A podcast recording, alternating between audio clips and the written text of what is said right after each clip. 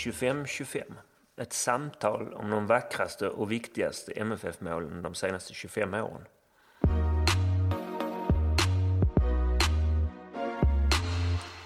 Vi som gör den här samtalsserien heter Tony Ernst och Henrik Zackrisson. all musik och alla jinglar är gjorda av Gabriel Ernst. Podden är klippt av Martin Ringstrand.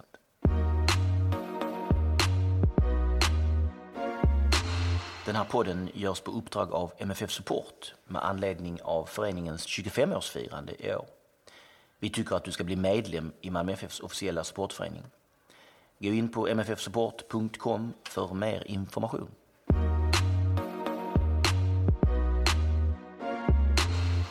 Mål 3. Jon Inge Höjlands 1-0 hemma mot Elfsborg 2004.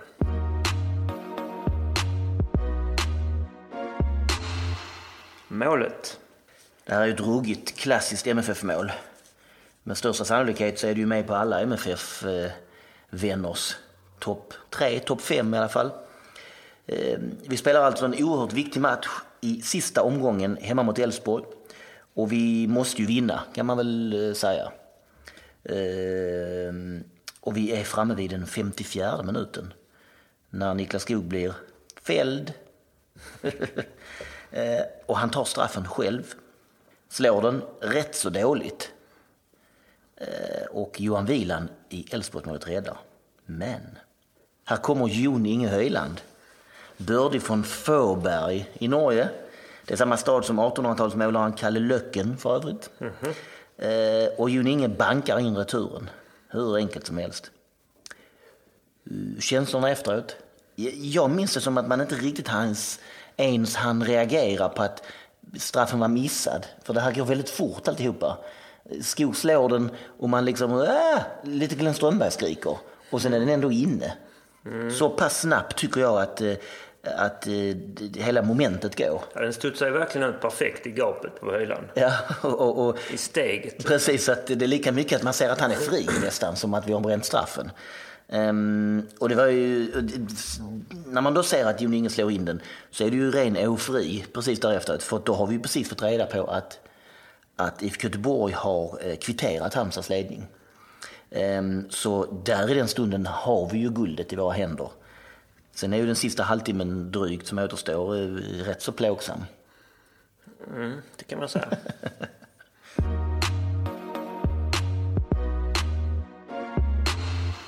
Läget? Ja, var låg i tabellen? Vad betydde matchen?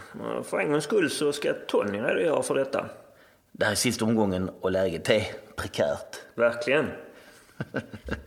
Vi ligger alltså och delar detta, om man vill vara snäll. Men eh, tyvärr är det så att Halmstad har bättre målskillnad. Inte jättemycket, men fyra mål. Ja, jag minns ju att i tidningarna spekulerades lite i detta. Att man så, sådär, om det var så att vi skulle se lite om vi fick några mål så kanske det här skulle bli sådär prat om detta. Men eh, jaga mål. Men först och främst gällde det ju att vinna matchen. Ja, Jag minns aldrig det som att vinner vi med 7-0 måste de och så Ja, vidare. det, det fanns med i tidningarna, absolut. okej. Det här att vi skulle ja. kunna hamna i en situation där vi jagar mål.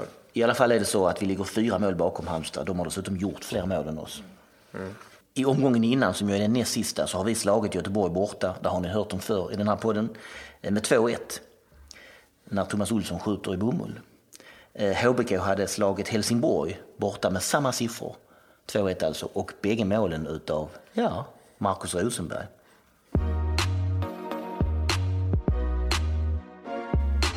Matchen. 27 303 åskådare på Malmö stadion. Det är Jonas Eriksson som dömer. Eh, Vi måste vinna den här matchen, men kanske ändå att det inte räcker. Så kan man väl sammanfatta själva förutsättningarna. Ja. Eh, Och det är, när man har sett om matchen, jag har sett om den, så är det en rörig och svåranalyserad match. Det är ingen bra fotboll överhuvudtaget. Det känns som att både vi och Elfsborg, ja, det finns ingen plan överhuvudtaget. Elfsborg har ingenting att spela för, ligger och puttrar i mitten lite. Ja, och vi får liksom inte fart på någonting. Afonso, till och med Afonso ser ut som att han inte riktigt har kontroll på bollen. Ehm, Tagen av stundens allvar, som man säger. ja, jag tror, eller jag upplever det som i efterhand att matchen, själva spelet, vi liknar väldigt mycket känslorna utanför. Ehm, eh, Och det är ju så här att cirka en minut innan vi får straff så signaleras det ju att IFK Göteborg har fått straff uppe i Halmstad. Eh, Det går liksom som ett eh, elektriskt stöt genom hela stadion om att, om att eh, Göteborg har fått straff. Ja, som en sån här Mexican wave fast utan ställa sig upp. För man står redan. Ja, ja. Ehm, och, och sen någon minut senare så jublas det runt om på stadion då, eller någon halv minut senare, för, för, för att det visar sig att Ölme har satt den här straffen till 1-1. Och direkt efter det så, så ehm, fälls Niklas Skog när han liksom försöker tränga sig förbi två Elfsborgsbackar. Och precis bredvid står Lulushanko och liksom visar för domaren, tar ner armarna liksom i nästan en eh, sån kypargest. Titta, varsågod domaren, bara att blåsa. Eh, och Jonas Eriksson faller till föga. Straffen, det vet ni, den går i mål efter att Jon Inge Höjland har susat fram och dundrat in returen. Och den återstående dryga halvtimmen här eh, av denna match är ju en av de allra längsta halvtimmarna faktiskt. För Malmö FF, för oss på plats. Ehm, man stod liksom hela tiden och väntade på att, det- att det skulle komma besked om att ja, nu säger någon snart att Halmstad har 2-1. Så kände jag. Speciellt då som det enda som jag vet att någon säger är att Göteborg har fått en utvisning. Och det är då Karl Svensson, IFKs mittback, som får sitt andra gula i 67 minuten. Det hade jag glömt, ja. Eh, Så, så att, då är det drygt 20 minuter kvar när man står och vet att de är 11 mot 10 där. Och, och, men eh, det blir ju inte så. Eh, Vi vinner, HBK och IFK Göteborg slutar 1-1 Ja, och det- vi tar guldet. Ja, och det här är ju innan den tiden. Det är ju inte som i Falkenberg där folk står och tittar på Simon på sina mobiler samtidigt som... Det finns ju inte. Radio finns. Typ. Ja. Ehm, Och vi ska återkomma Så. till det här med radion. mm, eh, så att... Eh, man vet inte och man ser inte hur det är. Så de chanser som jag liksom så kan komma ihåg. Jag vet, att de, jag vet inte om Mild liksom täcker en boll så att den studsar i eh, och går i gaveln. Det är precis i slutet. Jag, jag tror till och med att vår match är slut och de har ett rätt så friläge när Håkan Mild kommer farande och täcker ut bollen till hörnan. Ja, precis. Men det är väldigt nära att han täcker Ja. in en egen Men detta har man ju ingen aning om när man står Nej, på stadion. precis. Utan det ser... Tack och lov, man- kanske. Ja, precis. Och kan skratta åt det. Haha, vad nära! Ja. Nej, det var, jag minns denna halvtimme faktiskt som att jag jag är ju kallhamrad ateist så inte- stod jag och bad inte men om, jag kände nog att jag hade kanske behövt någon form av tro under den här sista halvtimmen.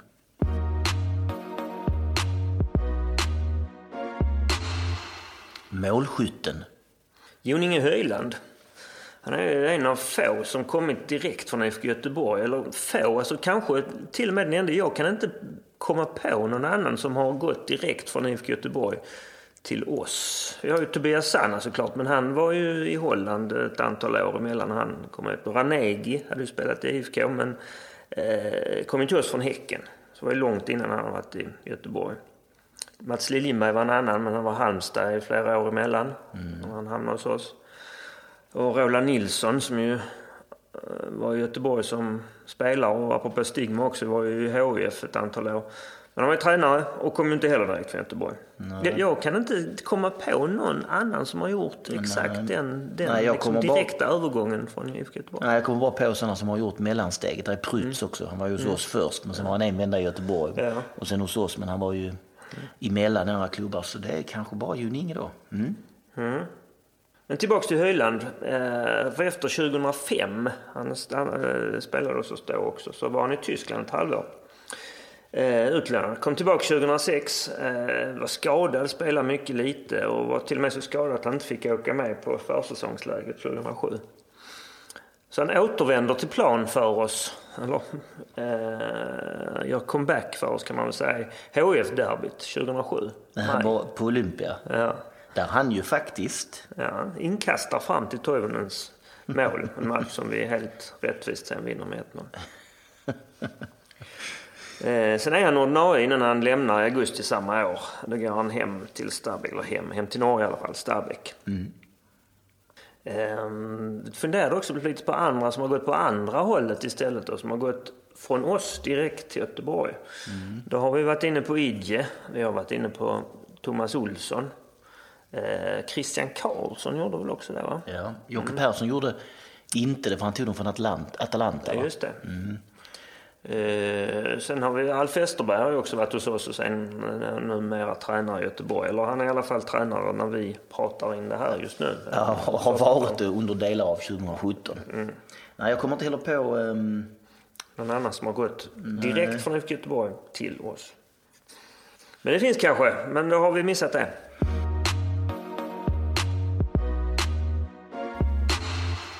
Straffmissar. Straffmissar, eller närmare bestämt viktiga straffmissar. Vi ska alltså inte här och nu prata om till exempel Ljungebergets missade straff vid ställningen 3-0 i guldmatchen borta mot Falkenberg i fjol. Eftersom den mer eller mindre kvittade. Mm. För annars säger man missade straff för Malmö FF så i alla fall den första jag kommer att tänka på är ju 1999. Eh, Tony Flygares borta mot Halmstad. Mytomspunnen. Ja, får man verkligen säga. Eh, det är klart man kan fråga sig vilken betydelse den hade eh, egentligen. Eh, rent poängmässigt så ja, en poäng hade hjälpt oss där och då men det är ju inte på den poängen vi åker ur så att säga. Hade, den hade satt den hade blivit 2-2. Eh, för vi har två poäng upp till kvalstrecket.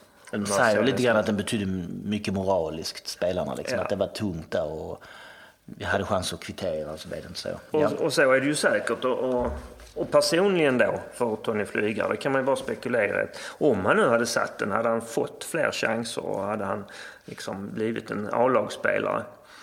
Ehm, men han har till och med skrivit en bok, Tony Flygare, för några år sedan. Ehm, och jag har inte läst den. Ja, inte jag heller. Det, vad heter, den heter typ, det borde varit jag och inte Zlatan som blev Zlatan typ. För det är väl En andemeningen. dag var jag större än Zlatan. jag okej. den ja, mm, japp. Eller en gång, inte en dag, en gång. En kort minut.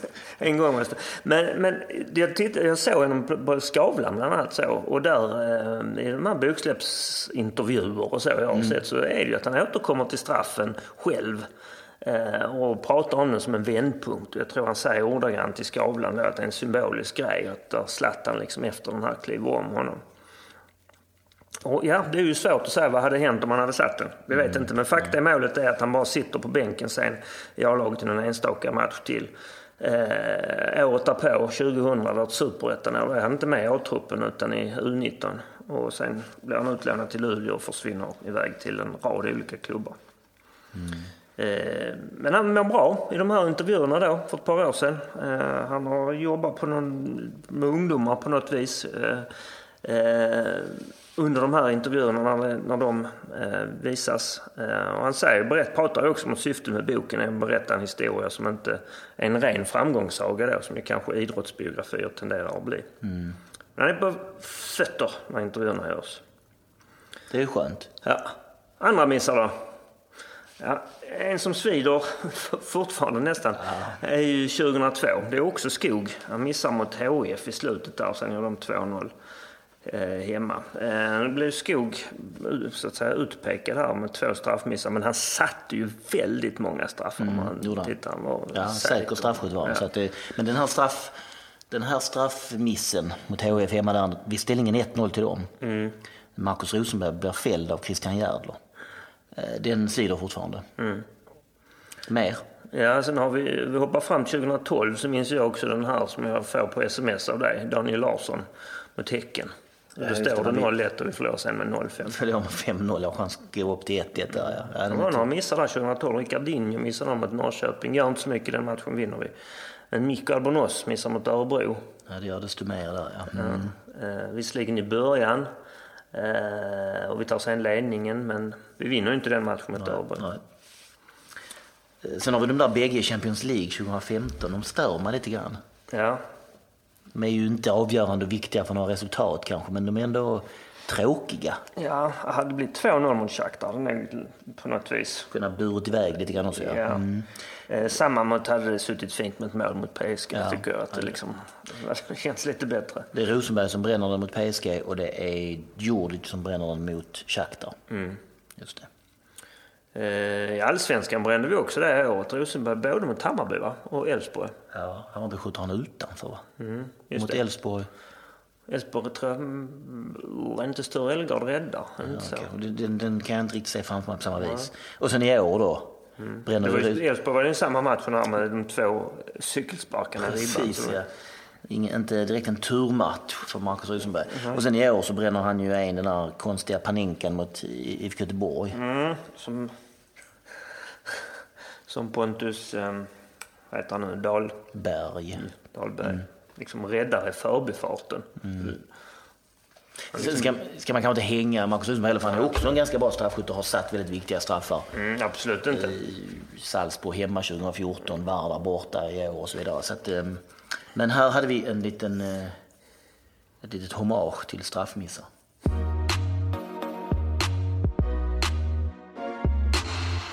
Motståndarstraffar som inte blev.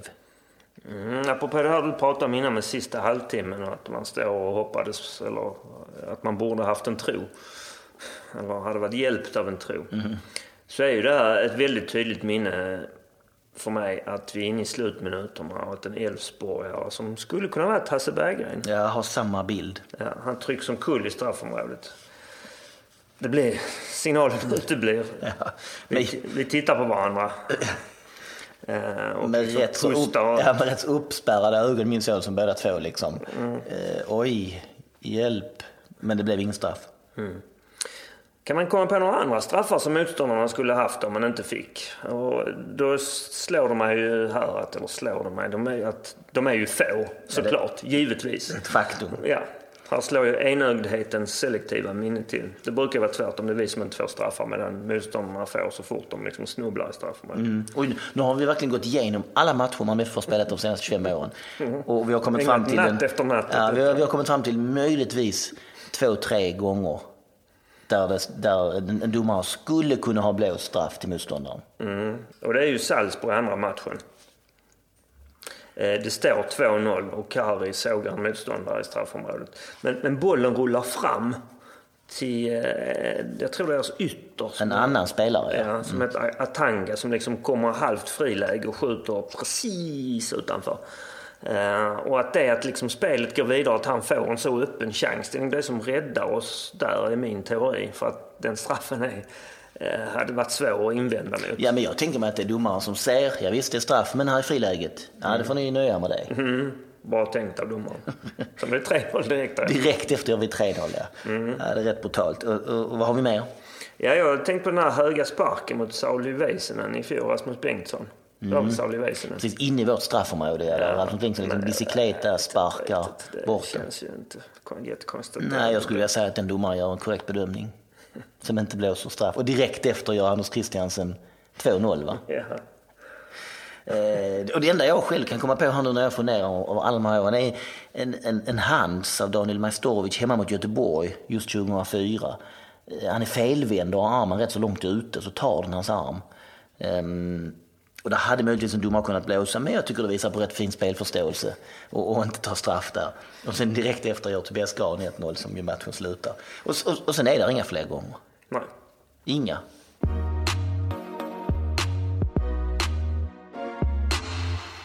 Niklas Skog. Det är ju inte Niklas Skog som gör det här målet. Eh, Det är ju han som missar straffen. Och så att Jon Inge kan slå in returen. Och det är lite orättvist som vi har sagt mot Niklas Skog som är en sån profilerad målskytt. Och en fin straffskytt också dessutom. Eh, Vi har ju inte valt, vi har inte haft med ett mål av honom utan vi har med en straffmiss av honom. Det är lite taskigt. Eh, Så viss upprättelse kanske. Eh, Mer än visst tycker jag. Ja, Niklas gjorde en massa mål. Definitivt. Han gjorde en massa mål för Malmö FF och vi ska strax gå igenom exakt hur många han gjorde. Ehm, dyker upp så som ersättare för Zlatan eh, sensommaren 2001. Och stannar hela vägen fram till och med hela säsongen 2008. Eh, ganska länge i Malmö FF ju, för en så pass duktig spelare. Eh, karriären innan Malmö FF då, ja det är Västra Frölunda där han ju slår igenom en vända i Tyskland, i Duisburg och Nürnberg. Och sen tillbaka i Örebro och det är där vi köper honom från. Eh, avslutningsvis så gör han ju en kort utlåningsperiod 2008 till Mjällby. Medan han fortfarande är vår spelare. Eh, 43 år i år. Och man måste väl säga att det här är en av den här erans, alltså de här 25 åren, en av de allra bästa anfallarna, ja kanske till och med spelare överhuvudtaget. Eh, Göteborgare ju, eh, men blev liksom MFF och känns ju idag 100% Malmö FF. Fastän han har den här Göteborgsdialekten.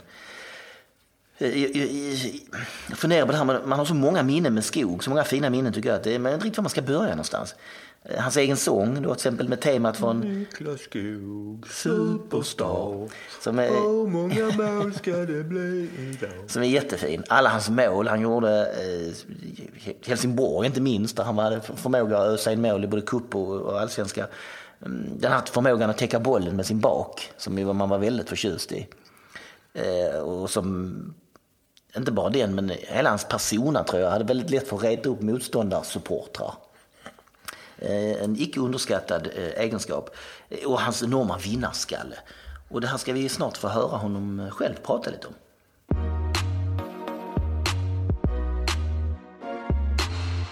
Flest allsvenska mål i MFF? Ja, vem har gjort flest allsvenska mål i MFF under den här 25-årsperioden som ju denna podd avhandlar? Jo, här är listan. På tionde plats Agon Mehmeti, 27 mål. Nia Afonso Alves, 29 mål. Åtta Daniel Andersson, 30 mål. Delad sjundeplats, Jörgen Olsson och Daniel Larsson, 31 mål var. På femte plats hittar vi Jörgen Pettersson, 32 mål. Fyra, Guillermo Mollins, 34 mål. Nu är vi inne på pallplatserna då. Tredje plats Peter Idje, 38. Och så är det faktiskt delad första plats med Niklas Skog, som ju vi alltså avhandlar eh, lite grann extra i det här avsnittet, tillsammans då med Markus Rosenberg. Och de har gjort 49 mål var. Ja, flest allsvenska mål är alltså flest allsvenska mål i Malmö FF. Såklart ja. ja. Mm. För att annars hade ju flera av de här spelarna hamnat, eh, fått fler mål. Inte minst Skog då. Ja, han hade ju antagligen klättrat upp första platsen. Rosenberg har ju en hel del i Halmstad dessutom och Idje har gjort några i Göteborg också. Ja, men han har ju fler i Örebro och Frölunda. Ja. Skog. Eh, Såklart, men eh, icke desto mindre, det är Skog och Rosenberg alltså. 49 mål var som har gjort flest allsvenska mål under den här eran. Vi gissar ju och hoppas också att Rosenberg går förbi Niklas Skog nästa år. Tidigt nästa år. Nå, är det några överraskningar på den här listan? Eh, topp tre är ju ganska given. Hade man fått gissa innan hade man ju nog sagt Mackan, Skog, Idje. Den är ju inte svår. Ehm, jag trodde kanske att Afonso skulle vara högre upp än på plats nio. Eh, han ligger alltså bakom en sån som Jörgen Olsson. Eh, det hade jag kanske inte riktigt räknat med. Jag trodde också att Jo Inge Berget på något vis skulle ha lyckats kvala sig in, men han är alltså 11 på den här listan, precis utanför. Och då verkar det väl, i alla fall när det här avsnittet spelas in, som att han kanske inte fyller på med mer mål, utan försvinner Den ifrån oss. rundan i alla fall. Ja, det är lite bistert. Han har behövt två till bara, sen är han inne på listan nämligen. Det vore ju en anledning till att stanna tycker man. Eh, nåväl, vad har vi någonting annat? Jo, jag funderar också. Det är ju starkt av Daniel Andersson och Jörgen Olsson. Som är alltså de två på den här listan som inte är, ska vi säga, renodlade enbart anfallare. Att slå sig in där. Har, har du något mer som du Nej men det är ju på något vis att där betalar sig ju trägen och alla Mm. säsongerna att man är eh, lojaliteten. Det är ju, Jörgen Olsson gjorde ju liksom sina mål varje år. Ja, oavsett var han befann sig på plan så Ja. gjorde han sex mål varje säsong typ.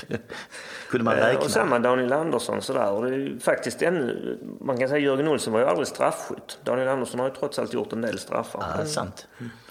Men även som försvarare gick de upp och, och satte några på fasta situationer varje år känns det som.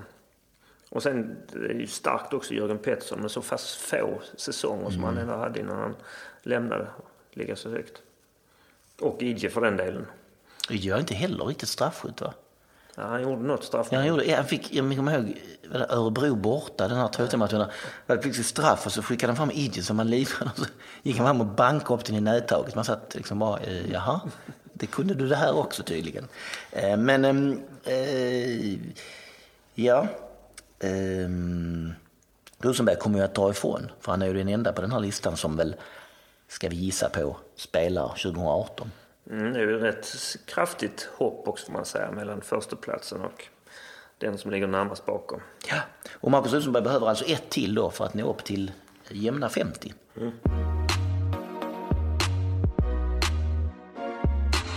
Mer om målskytten. Jon Inge Höjland. Mitt första minne av honom, faktiskt, där jag ser honom framför mig, är när jag sitter och tittar på Göteborgsderbyt på tv där hemma med min granne. Han som vissa av er känner som den skogstokiga grannen. Eh, det måste ha varit 2002, 2003 kanske, eh, när Afonso snurrar upp honom eh, rätt så rejält och, och ÖIS slår IFK med 5-2 minns jag. Inför jättemycket folk på Ullevi. Mm. Då spelade han någon form av mittback i IFK. Eh, och, men, och då ty, ty, tyckte jag inte att han verkade så himla bra. Och sen köper vi honom och då visade det sig att han var ju en otroligt bra värvning. Får man säga. Um, andra sköna höjdarminnen, framförallt är det det här tycker jag, hans märkliga sätt att dribbla. Som ju var att han ganska sakta vandrade upp i plan och liksom gick förbi sina motståndare. Det var inga, inga finter, inte heller någon speed. Men han hade ju det där på något vis som Emil Forsberg har, att det ser inte ut att gå så snabbt. Men han var ganska snabb. Och, och ett, en sån grej är ju 2-0 målet i hemmapremiären mot Örebro under den här säsongen, 2004 då. Som ju är ett sånt här, precis ett sånt här mål. Där han liksom sakta går framåt hela vägen tills han är fri och, och lägger in den.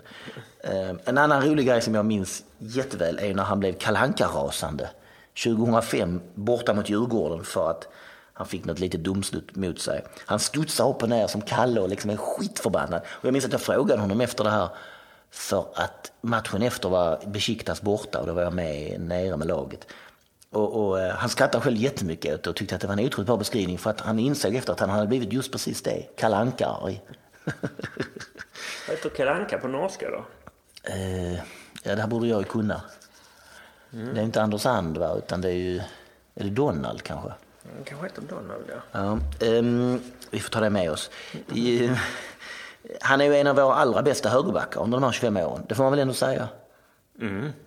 Um, och så måste vi prata en liten stund om det här med att han är den spelaren alltså i den här matchen som betyder så mycket, som ju är överlägset först in i straffområdet för att ta returen. Och det var ju, visade sig, några veckor efter den här matchen hade någon lagt upp på Youtube, om ens Youtube fann, fanns 2004, det kanske heter något annat då, det vet jag inte. Men det, det dök i alla fall upp en video, någon som hade filmat det här, den här sekvensen då, ehm, och som stod högt uppe bakom mål i kurvan och börjar filma med en halv minut innan straffen läggs. Och då ser man att Jon Inge har hämtat fart långt bakifrån, en, bakom mittlinjen och tar fart och springer allt vad han kan medan Skog liksom står och lägger upp bollen. Eh, och när han korsar straffområdeslinjen då i full karriär, det är precis när Skog är framme och ska skjuta, så han måste ha tajmat det här på ett besynnerligt vis också. Um, och, och, precis då när Skog skjuter, ja då är han alltså ju i full fart på väg in i straffområdet så det finns ju inte en möjlighet för någon annan att hinna ifatt.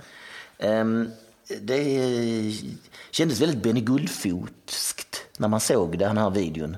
Att skorna drar mig hitåt. Han måste ha liksom fått det här berättat för sig av skorna.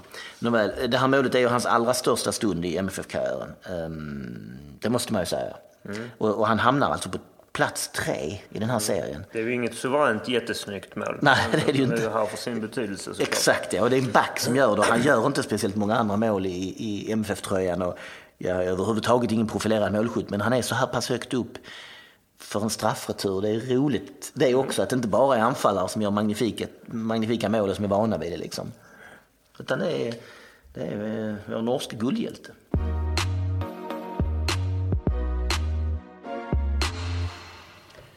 På plats. Vi sitter här med Niklas Skog och första frågan är ju, eh, kommer du ihåg det här målet? Absolut. Det är ju eh, ett stort mål för eh, många av oss, speciellt oss som var på planen då ju. Ehm, vi hade ju chansen att vinna SM-guld 2004 där och vi var ju tvungna att vinna. Så att, ehm, jag kommer ihåg hela, hela sekvensen ehm, klassiskt att man, eh, den som fixar straffen ska inte slå den. Men jag var så jävla sugen på att, på att slå den. Så att, eh, men ehm, nej, jag ska ju... Bra, bra press på mig hade jag ju, för vi var ju tvungna att vinna. Eh, jag slog den, det var väl ingen jättebra straff egentligen, utan jag slår den i det hörnet jag brukade slå den. Kanske var fel i efterhand, men, men samtidigt så kommer ju Höjland springande och slår in returen ju, som eh, ett förlösande mål för oss. Eh, även om vi visste att eh, Halmstad var tvungna att tappa poäng. Mm. Men, ja. Känner ni det att, ehm, för det framgår kanske i alla fall på, på ståplatser och runt på läktarna eh, Göteborg kvitterar. Känner ni det nere på planen? att... Ja, vi hade ju koll liksom. Eh, vi fick ju liksom... Det var ju så pass viktigt. Man brukar inte ha koll på andra, men denna gången hade vi det. Mm. Så att, eh, ja, vi, hade, vi visste vad som pågick där. Men sen hade vi, vi, var ju själva tvungna att vinna. Det som är intressant med den matchen egentligen är ju att det var ju ingen som egentligen som pratade om att vi var tvungna att vinna utan alla pratade om att Halmstad var tvungna att tappa poäng. Mm. Var en självklarhet? Ja, men det, det, det, kändes så. Hela den säsongen var väl egentligen så att vi, vi skulle vinna varje match egentligen. Liksom. Vi vann vi de flesta. Vi hade, spelade väl egentligen ingen fantastisk fotboll i året men, men vi vann i alla fall. Um, och vi hade ju bra lag måste jag säga. Uh, men målet kommer jag definitivt ihåg eh, som ett, ett förlösande. Det var en extrem känsla att vinna den matchen. Vi, vi, vi gör inte, när man, på plats men även efteråt när man tittar om på matchen vad det har gjort. Vi gör inte en jättebra match. Nej, det gör vi inte. Men jag vet att vi, det var ju spänt var det ju. Ehm, eftersom vi var, vi var ju tvungna att vinna. Mm, ehm, och, ehm, vi har väl några chanser men samtidigt så när, efter då vi gör 1-0 så har vi någon några giftiga chanser. Men de har ju extremt vi, eh, bra chanser i slutet matchen. Jag tror de har till och med någon stolpe eller något sånt där. Ja, det är en som susar precis utanför. Ja, precis. Det är något där han, domaren kunde bli straff också. Ja. Mm. Så att, eh, men det, det, som säger, det var ingen, ingen bra match. Men det var, det var en spänt var det. Och så just att vi var tvungna att spela på ett annat resultat också. Liksom. Ja. Eh, vi, vi var tvungna att få se om Halmstad tappar poäng som sagt. Mm. Vi satt ju inte i förarsätet där. Och där är då den lilla detaljen kring den här matchen också att när domaren blåser av så är det vissa som rusar in. Men vi vet, för det återstår en minut, en och en halv av den andra mm. matchen, Halmstad-Göteborg. Och den är ju inte, den är inte färdig, så Nej. vet ju inte. Nej, men alla tar väl för givet, kändes det som, där när domaren blåser av, att nu har vi vunnit liksom. Men eh, det, som sagt, det, det var ju lite... Direkt efter matchen springer många in, men det, alla, alla liksom... Vi väntar liksom. Är, är, det, är det slut där borta eller inte liksom? Så att, eh, men, eh, men känslan när, de, när vi får reda på det är extrem. Det är det bästa jag har varit med om i fotbollsväg faktiskt. Och det ska sägas också, den här podden vi, vi gör om de här 25 målen avhandlar ju de senaste 25 åren. Mm. Ehm, och där är ju det här guldet det kanske, ska vi säga tyngsta.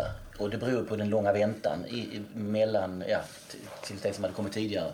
Men även om man sträcker ut det längre tillbaks. Vi har varit med längre än så, jag och Henrik. Mm. Det, det, här är nog det guldet som ändå var mest eh, glädje...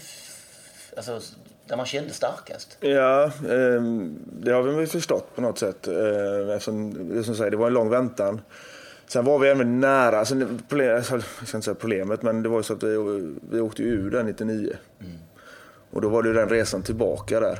Som, Sen kändes som att det lyfte Malmö ganska mycket. Alltså även publikmässigt och föreningen och allting. Liksom. Ehm, och då var vi ändå nära 2002. Vi skulle egentligen vunnit 2002. Sen 2003 är vi ändå med i toppen och krigar in till sista. Liksom. Och så nu, nu hade vi ett bra lag 2004. Liksom. Där, då var det det. Liksom, att nu, nu eller aldrig kändes det som. Liksom. Mm. hade vi gjort ett dåligt år där så tror jag det är inte säkert. Det kan ha tagit några år till innan vi, vi vann guld. Så att, det kändes som att det var väldigt speciellt det guldet. Mm. Man då som du gjorde nu kollar tillbaks lite så känns det mm. precis som du säger att du är med om den här liksom, explosionen både publik och resultatmässigt som sker i början av 00-talet. Va? Mm. Eh, du kommer på sommaren 01. Mm. Eh, hur var din känsla där? Var det liksom någon form av Oj, här är Zlatans ersättare. Var det den känslan? Var det liksom ett, ett, någon form av uttalat förväntan på det viset? Uh, nej, inte, inte just att jag var Zlatans ersättare tror jag inte. Utan det var väl mer att jag, jag hade gjort en bra säsong i Örebro året innan och även under där i, först på vårsäsongen där. Uh, men jag tror att förväntan från mig var väl att jag hade gjort mycket mål innan att jag skulle verkligen leverera liksom. Och nu skulle sånt där. Så att, uh, men den tycker man ju om. Jag tycker om den. Eh, höga krav liksom. Ehm, nu gick det inte så väldigt bra på hösten när jag kom till Malmö väldigt konstig känsla var det att byta klubb mitt i säsong faktiskt. Eh, när man spelade, umgås med försäsong med ett lag och spelat till våren och sen helt plötsligt hoppa in i ett lag och möta samma lag egentligen som man mötte med, med ett annat. Så det var en väldigt speciell känsla där. Eh, samtidigt som jag fick redan från början extrema känslor för MFF. Jag gillade, jag kommer ihåg första presskonferensen vi hade. Eh, då hade Malmö precis kommit upp från Superettan och spelat. och då var första frågan, hur känns det att få komma hit och en storklubb och vinna guld? Eh, ja, men det, det, och det är ganska häftigt. Eh, det finns, finns bara det, man ska komma etta och sen det andra är skit. Och det är, där kände man redan där kände man liksom att det fanns vinnarkultur liksom i föreningen. Ja. Så på så sätt var det, det var häftigt att komma till MFF. Och då, då 2001 då har vi ju mer eller mindre problem att hänga kvar. Så ja, men, att vinna SM-guld. Ja, det, men samtidigt så när, efter vårsäsongen låg de ju bra. Efter halva säsongen låg vi, när jag, när jag kom så låg vi bra. Det låter ju sådär men um, vi gjorde ingen bra höst där. Uh, som sagt, vi, vi, var väl två matcher innan slutet som vi avgjorde mot, tror det är mot Häcken hemma eller något sånt där. Elfsborg. Elfsborg är det kanske. Elfsborg. Du gör målen. Jag gör mål. Jag gör Jörgen gör mål också. Jörgen gör mm. målet ja. Mm. Ja, det kommer jag ihåg. Eh... Nej, men så det kommer jag ihåg. Så att det, det var väl ingen bra säsong där. Men, men sen, sen, sen, sen händer någonting då. Med, för från 2002 känns det ju nästan som en ny era. Tom Prahl kommer. Um, Zlatan-pengarna börjar användas lite grann. Mm. Publikintresset växer rätt rejält. Ja, det ökade enormt där, kändes det som 2002. Eh, men det var väl också, vi spelade faktiskt en väldigt attraktiv fotboll ja. 2002. Ehm, som gjorde, vi gjorde mycket mål och eh, vi, vi vann mycket matcher. Liksom. Så det, det, det skapades någonting. Och plus att MFF då hade åkt ur och så allting växte. Mm. Kändes som de med sponsorer och supportrar och allting. Plus också att vi hade lite pengar från, från Zlatan givetvis. Där vi kunde bygga upp någonting nytt. Liksom. Mm. Eh, det var ju många spelare som kom utifrån. Eh, Yngve som kom ju bland annat. Och, som också gjorde bra. Sen Idje. Eh, måste man ju prata om. Ja. Samarbetet Skog-Idje som väl måste vara det dödligaste ja. i allsvenskans historia nästan. Ja, där blev du plötsligt en framspelare. Ja, det blev ju så. Ja, men vi, vi, vi spelade inte från början. De första matcherna spelade vi inte eh, från början. Peter var inte... satt ju på bänken då. Ehm, fick väl egentligen chansen när Yngvesson blev skadad. Ehm, sen, sen funkar det. Eh, nu tränar vi kör också mycket ihop men eh, det fanns någon sorts kemi där mellan oss. Eh, där vi, vi visste vad den andra skulle göra. Liksom. Eh, nu fick jag, han, han var ju extremt duktig målskytt måste jag säga och en klok spelare. Eh, så att eh, vi hittade varandra. Jag fick jag fick väl rollen som framspelare, ja. Det blev väl så. Även om... Du gjorde en hel del mål också? Ja, jag gjorde väl en hel del mål. Man vill alltid göra mer. Men, men nu gjorde ju Peter målen. Eh, men vi, gjorde, vi, gjorde, vi hade två säsonger som var extremt bra. Vi visste att vi skulle göra mål. Var en ganska skön känsla att gå ut på planen att eh, ett mål kommer vi göra. Ehm, så att, eh, på så sätt var det skönt. Men hur, hur liksom du säger någon kemi, det är, det är lite konstigt får man säga. Här kommer Peter Idje, en ganska okänd spelare från Nigeria och dyker upp här och får inte spela till en början och sen plötsligt, och så du då, mm. gammal anfallare, smyger ner lite grann och serverar bollar. Det, det, det kändes ju så, alltså vi har inte haft, har vi haft ett bättre anfallspar? Nej, det var ju över 30 mål två år i rad. Ja, det är sanslöst. Ja, ja, jag tror vi gjorde... Så att vi gjorde, jag vet inte hur många matcher vi gjorde ihop, men så cirka 40 kanske. Mm. Och gjorde, vad gjorde vi? 65 mål ihop tror jag. Det är ju helt sinnessjukt. Ja, det, jag tror inte det finns någon, någon par som har gjort mer mål. Nej. Och då frågar man sig, vad, vad var kärnan i detta? Liksom? Vad är själva... Ja, men vi, vi hade ett samarbete. Vi skapade chanser till varandra. Mm. Sen får vi inte glömma eh, de andra i laget. Som, vi hade ju Yngvesson som sprang på kanten och öppnade upp en extrema ytor för oss. Liksom. Eh, vi hade ett mittfält med även Thomas Olsson och sen var det Hasse Mattesson och alla de här som... Jörgen var även med 2002. Som, eh, vi hade ju ett bra lag också så det, vi, får inte glömma alla andra Nej. spelare. Liksom. Även om vi, vi skapade mycket chanser själva men, men vi hade ett lag som också som hjälpte oss extremt mycket. Och vi, vi var ju offensiva. Vi hade ett väldigt offensivt eh, lag. Som sagt, vi, vi öste in mål. Mm. Vi släppte också in en hel del, men eh, eh, vi, hade, vi hade bra, ett bra spel. Och det var det som, det var, jag tror det som gjorde också att vi, vi blev väldigt omtyckta. Att det var roligt att gå och titta på MFF. Eh, men kemin där, men vi, vi, vi funkade ihop. Eh, om jag mötte så gick han i djupled. Och så såg det väl ut egentligen varje gång. Jag sprang väl inte så mycket i djupled. Ehm, men vi hade, vi hade liksom olika roller. Ehm, det är svårt när eh, två anfallare har, gör, gör samma sak. Nu gjorde vi liksom... Eh, gjorde jag en sak så gjorde han en annan och gjorde han en sak så fick jag göra en annan. Och det, det funkade bra ihop. Och så är det lite bittert där på det viset att det, det blir inte guld med den konstellationen utan det är ju när Peter lämnar och vi får in Afonso Alves som det snarare klickar liksom. Ja, det gjorde det. Eh, samtidigt vi hade ju, vi fick ju många bra nyförvärv. Vi hade ju eh, Patrik kom ju hem till exempel. Eh, sen på, på sommaren kom ju både Danne och Yxel hem också. Eh, så vi hade ju, vi hade ju bra lag. Hade vi, vi hade ju använt. Eh, sen hade vi väl spelare som också var väldigt duktiga men som inte riktigt som Igor till exempel. Som eh, blev egentligen ett stort orosmoment i slutändan. Men, Eh, vi, hade, vi hade ett riktigt bra lag. Eh, jag och Afonso ehm, funkade väl. Afonso var inte heller forward från början. Han var ju yttermittfältare. Eh, men gick sedan upp på topp. Han hade ju extremt bra eh, egenskaper som fotbollsspelare. Så han var ju otroligt talangfull. Eh, däremot fick jag ju en helt annan roll gentemot vad jag hade mot Peter. Jag fick ju ta ett helt... Jag fick egentligen anpassa mig till Afonso istället för att han anpassade sig mig. Samtidigt i slutändan så, så gav, det, gav det ett SM-guld så det var ju värt allting. Liksom. Men det blev också att vi, vi gjorde inte lika mycket mål. Eh, varken Afonso eller jag gjorde lika mycket mål. Men däremot hade vi ett, ett lag som ju gjorde väldigt mycket mål.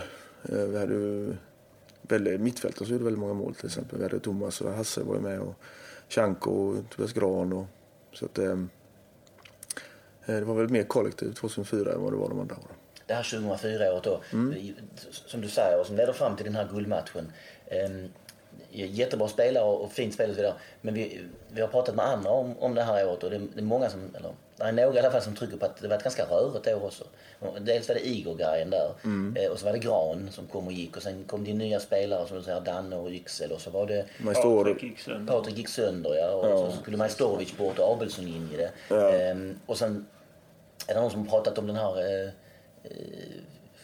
gemensamma festen som, som man... Ja, den har vi tagit upp. Det, det var väl någonting som vi gjorde utöver eh, tränarens. Eh, nej, men vi kände, vi hade ju ett, det var ett turbulent år överallt. Eh, sen plus att vi hade en extrem press på oss. Ja, Real Eh, Malmö-grejen. Ja, det var ju Real Malmö liksom. Det var ju liksom eh, Samtidigt så hade de ju satsat mycket pengar MFF på bra spelare och sånt där. Och det var väl liksom, nu, nu ska vi vinna liksom. Eh, jag kommer ihåg vissa, vissa matcher var liksom var man inte glad att vi hade vunnit utan det var mer, "Pff, ja vi klarade det liksom. Ehm, och så var det väl hela den känslan. Ehm, men det skapade också att vi, vi blev ett starkt gäng, liksom, hela, hela gruppen. Men just den festen, den är ju innan Helsingborg kommer jag ihåg. Ehm, det hade gått sådär knackigt för oss och vi kände att det, var, det funkar liksom inte riktigt. Och då, då hade vi en fest eh, några dagar innan Helsingborg, borta tror jag det. Ehm, där vi egentligen, eh, vi pratade väl inte ut utan vi, vi tog oss en rejäl fest helt enkelt. Och fick ihop laget liksom. Det blir ofta så att man, då sitter man och snackar och allting sånt här liksom och runt omkring. Och det var eh, högt i tak liksom. Så att, eh, eh, men efter det så kändes det som att vi, jag tror inte vi förlorade många matcher efter den. Eh, efter den. Så att den har ju blivit lite speciell den festen. Mytomspunnen. Ja, det är den lite grann. Det var inte, vi hade ju våra respektive så så det var inte så att vi bara satt och drack liksom, utan, utan det var ju en middag liksom och sånt där, så det var inte, det var inte dans på, på borden på puben direkt. Eh, men men den, den, betydde mycket för, för sammanhållningen. Och det har det gjort, absolut. Jag skulle fråga om det här också. Det här 2004-laget där då. Ja, Mm. och till viss mån spelarna som följde med in från 2002, 2003 och kanske in i 2005. Det kändes som att det var eh, några stycken där som var ett ganska tajt gäng. Ja. Som, som blev goda vänner nästan. Oh, ja. Thomas, du, eh, Mattias, eh, Yngvesson, eh, Jon Inge kanske. Ja, vi var ju runt sex stycken som ungefär. Vi var ju samma ålder allihopa. Ehm, Vi, kom, vi var ju inte, vi var inte Malmöpågar heller utan vi var ju em, lite utifrån landet. Ehm, Så det blev, vi, vi, vi hade ju inga vänner här nere på samma sätt utan eh, vi skapade oss själva ett eget. Så vi umgicks ju väldigt, väldigt mycket. Även våra respektive umgicks väldigt mycket. Eh, så vi blev väldigt tajta där. Och samtidigt som Tom hade oss, som, vi, vi var ju liksom, alla vi spelade ju hela tiden också. Vi var väl lite kärnan i laget kan man säga, ryggraden om man säger så.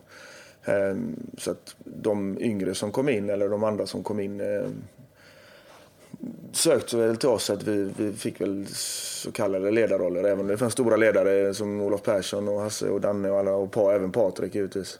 Ehm, Eh, så, så blev det att vi blev kärnan. Mm. Men det var ju också, vi, vi var lite äldre och vi hade spelat mycket och plus att vi var, ska vi säga inköpta egentligen för att leverera liksom. Ehm, så att, men vi, vi är fortfarande vänner än idag allihopa. Ja, så men det skulle komma ja, också. Ni är fortfarande tajta? Ja, ja, absolut. Ehm, vi, vi har ju skapat oss en extrem vänskap mm. till varandra. Och det är jävligt häftigt. Mm. Och det sköna är att alla är MFF-are på något sätt. ja, men det Jag pratade med Yngvesson igår och han sa att Malmö det är hemma liksom. Så det, är ganska skönt att höra. Det är en norrlänning och du är från Göteborg och så mm. vidare och ändå så är det... Ja, Höjland är ju eh, norrman till exempel. så att, eh, han, han känner också att det är, MFF är, det är speciellt. Men vi hade det väldigt speciellt här också. Eh, också tack vare att vi, vi vann och vi hade ett bra lag. Men också att eh, vi kände oss trygga här. Liksom. Mm. Det har blivit hemma. Mm. Eller himma som man säger nu för tiden.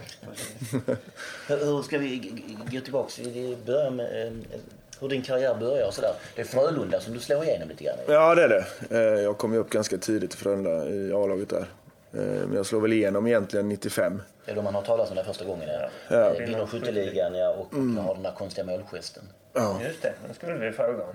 ja, den är, det var ju väldigt inne då 94-95 efter eh, VM där med landslaget och sånt där. Så att alla skulle ha målgester liksom. Och jag var väl, jag kan ha varit 19-20 då liksom. Och då skulle man ju hitta en eh, någon unik målgest som ingen annan hade.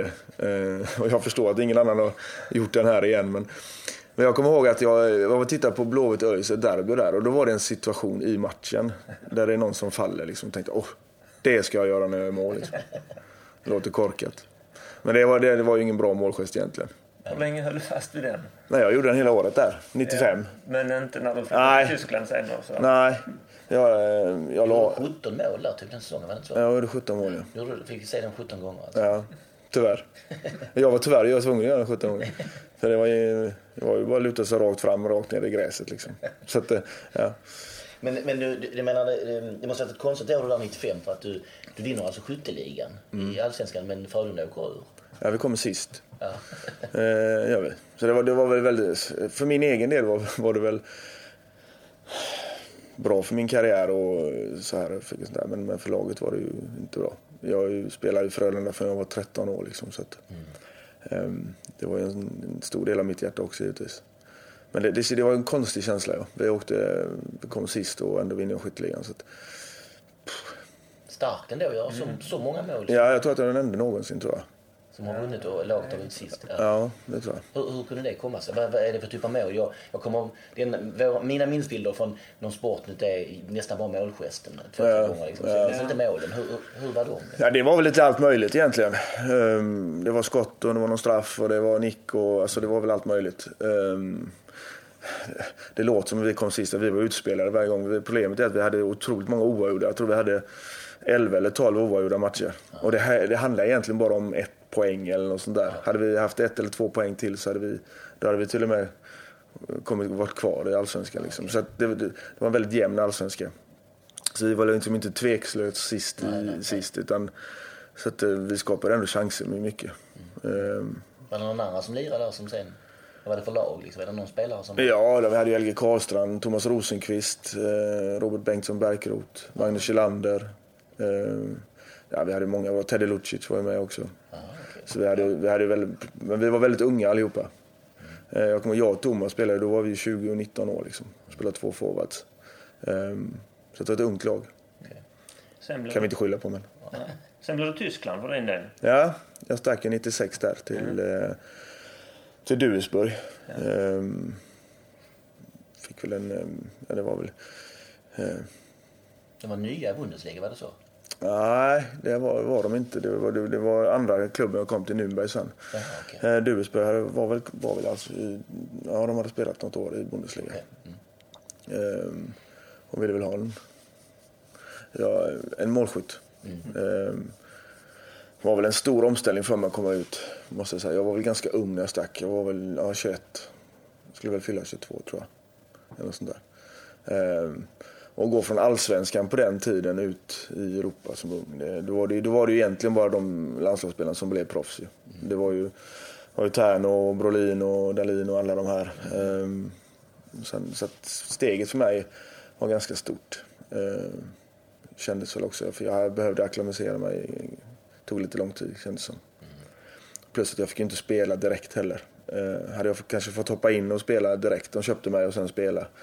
Ehm, fick jag inte, jag fick en, de köpte mig och så jag var med i truppen liksom och sånt där. Mm. Så att, eh, men, eh, men det var en häftig upplevelse. Sen var jag var där i två år, sen eh, ville, då Nürnberg hade gått, precis gått upp i Bundesliga igen. Och då ville de ha, då kom ihåg Felix Magath, han ville ha mig. Och jag hade inget kontrakt med, jag förlängde aldrig med Dusby utan jag gick över till Nürnberg då. Och det var väl också en, en hyfsat turbulent tid eh, i Nürnberg. Jag tror vi hade, Magath avgick efter fyra veckor. Eh, han är känd som en bestämd herre va? Ja det får man väl säga. Eh, mycket löpning. Ja, otroligt tuff träning. Eh, vi hade träningsläger på 10 dagar och vi hade 30 träningar. Så att, eh, det, ja, det var tufft. Men det var turbulent. Jag tror vi hade fyra tränare på sex månader eller sånt där. Och jag tror alla, alla tränare köpte nya spelare. Jag tror det var 35 stycken i truppen. Så det var väl, var väl sådär.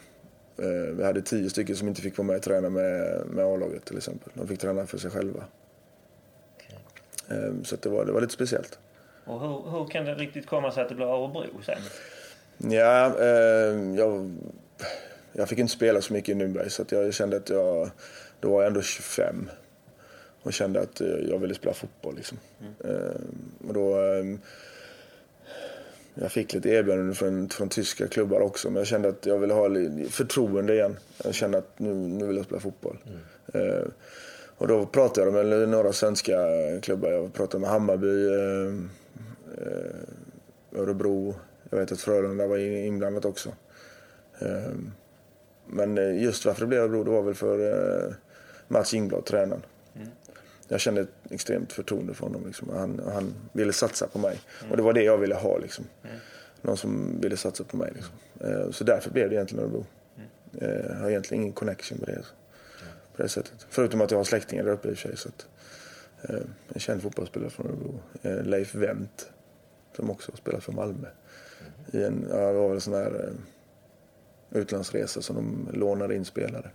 Är det släkt med övriga? Med Benny? Nej, inte Benny Wendrom, utan det här är Leif Wendt som spelar i Örebro. Mm.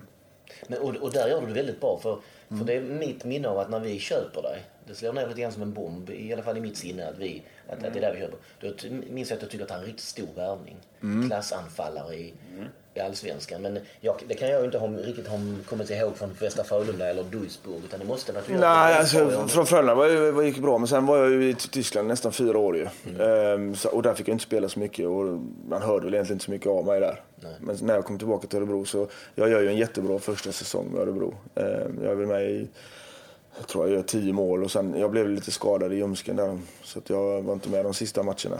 Men jag, jag, eh, jag, jag är väl med uppe i toppen i skytteligan där eh, första året.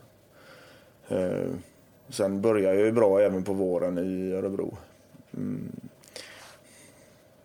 Kommer i juni, men det här var ju pågått lite, lite längre med förhandlingar och sånt där. Eh, Malmö ville ju egentligen, så fort de visste att Zlatan skulle lämna så tog de ju kontakt med mig där liksom. Så att det var väl lite turbulent tid där också. Eh, jag tackade nej först, kommer jag ihåg. Eh, för att eh, jag visste inte om jag ville flytta och eh, MFF eh, eh, var ju tvungna att köpa loss mig. Hur mycket vill de, det var, berodde på hur mycket de skulle lägga och sånt där. Så att det, det, jag tackade nej en gång. Men sen Sen kunde jag inte tacka nej. Liksom. Det, det, var en häftig upplevelse ändå att få, få komma hit. Alltså äntligen få spela. Jag har ju spelat i klubbar som hela tiden har krigat för att inte åka ur. Mm. Och äntligen få spela för en klubb där man faktiskt vill vinna SM-guld. Liksom. Mm. Så det, det är en häftig känsla. Det säger någonting också om den här föreningens lätt grandiosa självbild att vi som nykomlingar mm. köper loss dig från en klubb som spelar i Allsvenskan mm. och bara vi, vi, ska ha dig och vi ska vinna SM-guld. Mm. Det, det... Ja, det är häftigt. Det finns ju inget annat här. Det, är det som gör den här klubben så extremt häftig att spela tycker jag då. Att man har, man har de här liksom kraven på sig och känslan att vinna. det Ditt psyke ver- verkar passa för att spela med MFF. kanske? Ja, det tror jag. Jag är ju en extrem vinnarskalle i och för sig. Ehm, kanske för mycket i vissa lägen, men, eh, men jag vill ju vinna till varje pris. Då har jag skrivit ner här en fråga också om just detta med vinnarskallen. För jag är ju en sån som har gått på MFFs träningar ända sedan Roy Hodgsons tid. Och, och då kan man ju, ska man plocka ut de allra mest på gränsande till galna vinnarskallar så är det väl Stefan Schwarz och Niklas Skog skulle jag säga. Det är på den nivån liksom. Ja, eh, jag kunde nog göra det mesta för att vinna. Eh, även på träningar. Ja, alltså, ja, nej, men ett tävlingsmoment är för mig, det är oavsett om jag spelar eh, Fia med knuff eller om jag spelar en allsvensk match. Liksom. Det, det var bara att vinna. Jag har ju släppt på det lite grann nu och det känns lite skönt faktiskt. Eh, man kan, man kan spela spel med mig idag. men, nej, men jag har, alltså det, hade jag, hade jag, det var väl nästan så illa att om, om jag skulle kunna bryta benet på någon bara för att vinna. Liksom. Det, var, det var, så illa var det. Eh, och det är väl inte okej. Ska jag sitta och säga att det är okej. men, men för mig var det, det var verkligen så. Det var vinna var allt. Eh, så att, eh, det har väl svartnat några gånger eh, för ögonen. Liksom. Även på tvåmålsspel på träningen. Ja. På träningen, ja. Mm. Jag har blivit inskickad också någon gång för att eh, jag inte skulle skada någon. Liksom. Och, ja, det har väl tagit mig dit jag, eh, jag har kommit givetvis. Men, eh, men samtidigt så låter det lite, ja, som jag säger, det låter lite sjukt. Ja, det gör det. Men, men det, det, det var jag liksom och jag vinna. Och det var redan så under pojk och junioråren. Ja. Mm. Extremt. Allt, alltid tävlat om allt. Eh, Jag kan sitta än idag och komma på mig själv. Liksom. Jag- Man, satt och man sitter och läser bok och så sitter man någon annan och läser bok. Liksom. Så ser man han byter sida. Då jävlar ska, ska man byta sida snabbare än honom. Liksom. Ja, men det, är, det är lite sjukt. Ja. Men det, det finns där liksom. Okej.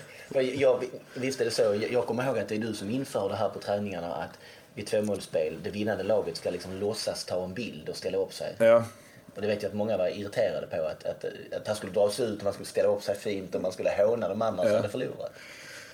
så är det. Man, man, man tog ju alltid dem. Man, man säger jag är, jag är en extremt dålig förlorare, men jag är också en extremt dålig vinnare. Så, så att, eh, man hånar ju dem när man har vunnit. Då, då hånar man dem som har förlorat. Liksom, och då vill man trycka till dem. Och, och man älskar det. Och, eh, speciellt Jörgen Olsson och Hasse Mattisson. För de, de sa aldrig någonting, men man såg på dem. Det kokade liksom in, inuti dem. Liksom. Och då vill man ju trycka till dem lite extra. Och då är förnedringen att de måste ta kortet på, på oss. Liksom. Och det, det hör ju till. Det, det blir lite förnedringsgrej över det. Men samtidigt så gör man det för att ägga att nästa gång ska ni vinna. Liksom. Det, är, det är en spiral där. Jag minns en gång i, i Turkiet när jag var med på något träningsläger hur eh, Andreas Yngson berättade för mig att jag och Skog har ett eh, förhållande. Eh, han hatar mig. Eh, nej, jag, jag hatar honom, han älskar mig. Ja, ja, han kör alltid den. Men det, och det var också så där, när man var ute på resor och så där, det, var- det var ett sånt himla tajt gäng. Jag, Mm. jag, jag tror inte jag har sett det förr eller senare. Liksom. Det där kortgänget eller ni som var... Ja, men vi var ju tajta. Vi umgicks ju hela tiden. Eh, vi, satt ju, alltså, vi spelade ju speciellt vi spelade kort. Vi spelade extremt mycket kort. Men vi spelade aldrig om pengar. Vi spelade alltid om tjänster. Ju. Så vi hade ett speciellt spel, Gurka, som vi hade lite speciella regler till. Som vi själva utkom. Men spelade vi alltid om tjänster. Låt höra vad, vad, vad Ja, men det kunde varit vad som helst. Vem, vem, eh, vem måste servera mat till alla andra? Eh, Eller vem, vem bär, måste bära upp alla väskor till alla rummen? Eller, vi hade ju Asper en gång när vi flög upp till eh, om möta AIK ja, i Stockholm. Då var han tvungen att sitta på bagagebandet och åka ett varv runt. Så han, han åkte ju igenom hela, ett jävla liv blev det. Men det var massa sådana massa såna grejer som, som gjorde det. Alltså, så vi, det, var, det, det skapade också en, det svetsade samman det här? Ja, det svettade eftersom vi aldrig vi spelade aldrig om pengar utan vi spelade bara om tjänster egentligen. Liksom. Och då blev det liksom lite förnedring mot varandra. Så den som förlorade blev liksom förnedrad. Och då blev det att alla andra hängde ju på där liksom och tyckte det var roligt och sånt där. Liksom. Så att, eh, ja, det, det, men det blev också att vi blev extremt tajta. Vi, vi, vi går vidare lite grann här då. Ehm, 2005 när den här skadan tidigt mot Hammarby borta. Mm. Så den säsongen blir lite förstörd och det är ju Champions League-säsongen och så vidare. Ja, jag, precis. Jag bröt ju eh, nyckelbenet mot Hammarby borta. Så jag är borta några veckor där. Sen är det så att jag går på träningen lite för tidigt, känns det som. För jag var med och tränade och kom ihåg att jag trillade. Och istället för att trilla med axeln så kompenserade jag med knät och då korsbandet går ju. Så att eh, den, det året försvann väl där ja. Det var precis innan eh, Champions League-kvalet var det. Mm. Så mitt korsband går ju då 2005 där på våren. Men sen är jag tillbaka igen. I, jag tror jag är borta fem månader ungefär på korsbandet. Sen är jag tillbaka där. Började träna 2006 igen ja. Så att, ehm, men sen kommer lite små komplikationer med. Då är man ju över 30. Eh, jag var ju 32 då ja. Då kommer det här med förslitningsskador med meniskrar och allt sånt här. Jag fick en bristning också som jag aldrig hade haft i hela mitt liv liksom och såna grejer. Eh, Men de kommer där. Man blir lite äldre, tyvärr. Men 07 spelar du ändå en del och gör en hel del och gör en del mål. Ja, jag är även med 08. Jag är med de första matcherna. När, Du gjort mål där också borta mot Djurgården. Ja, precis. Första matchen där. Mm. Eh, ja, men det kändes bra. Men sen... Ja, då var jag alltså 08. Jag är 34 år. Eh, kände väl att jag inte riktigt fick förtroende. Det var väl Roland och Hans som hade oss då. Eh, och de ville väl satsa mer på de yngre. Eh, så jag, jag blev utlånad 2008 där. Eller jag blev inte utlånad, jag lånade ut mig själv egentligen. Ja, till Mjällby va? Till Mjällby, ja. De ringde och hörde av sig och frågade om jag var intresserad. Eh, Det var väl tre månader tror jag. Sen var jag tillbaka i Malmö igen, slutet av 2008. Och sen förde vi diskussioner 2009. Jag var med, jag slutade väl i mars tror jag. 2009. Eh, Så jag är med där den säsongen. Jag, hade ju, jag ville ju själv vara kvar, eh, men då sa de att de inte ville satsa på mig och då kände jag att eh, ja, då kan jag lika väl sluta. Jag ville inte gå någon annanstans. Eh, utan jag ville, jag är 36, jag hade familj och hade skapat mig någonting här. Jag bott här i åtta år. Liksom. Man hade eh, skapat sig kontakter och vänner och allting runt omkring. Liksom. Så kände jag att ska jag spela för en annan klubb än MFF nu? Nej. Utan då, då slutar jag hellre. Men hur trappar du ner någonstans? I... Nej. Jag var med och tränade med Näsets BK hette de Ja, då. det. Eh, men men eh, det var inte mycket. Nej. Eh, så att jag, jag var aldrig inskriven där tror jag. Men sen går du in i MFFs organisation, eller hur? Ja, det gör jag inte direkt. Nej. Eh, Jag kommer in, jag gör lite småuppdrag åt MFF sånt där. Eh, Sen jobbar jag ju själv med egna företag och sånt där. Eh, Men sen hoppar jag in något år senare när jag började med akademin och tränar med dem. Och där är du, du arbetar fortfarande för MFF, eller? där jobbar jag idag ja. Men Nu jobbar jag lite mer i MFF. Nu är jag inte bara instruktör, jag är även med och pratar med lite med rektorer och lite kommuner och sånt här också. Så att jag har väl en större roll i MFF nu än bara instruktör. Det. Men är du knuten till något särskilt av gymnasierna eller skolorna? Nej, jag, jag, jag jobbar ju även på eh, Linnéskolan. Så jag har ju 50% med MFF och 50% på Linnéskolan. Ja. Eh, där vi även har en akademi då. Så att eh, eh, vi får väl se. Ja, det det är ett otroligt häftigt jobb. Få jobba med ungdomar och speciellt med fotboll som, som man älskar. Det, här målet som vi pratar om då, det är ju de facto inte du som gör det målet. Du Nej. missar ju straffen och Jon Inge Höjland kommer ångande som ett expresslok och, och trycker in returen. Dessutom gör han det, det här målet är ju gjort på Johan Wieland som ju var hos oss Ja, precis.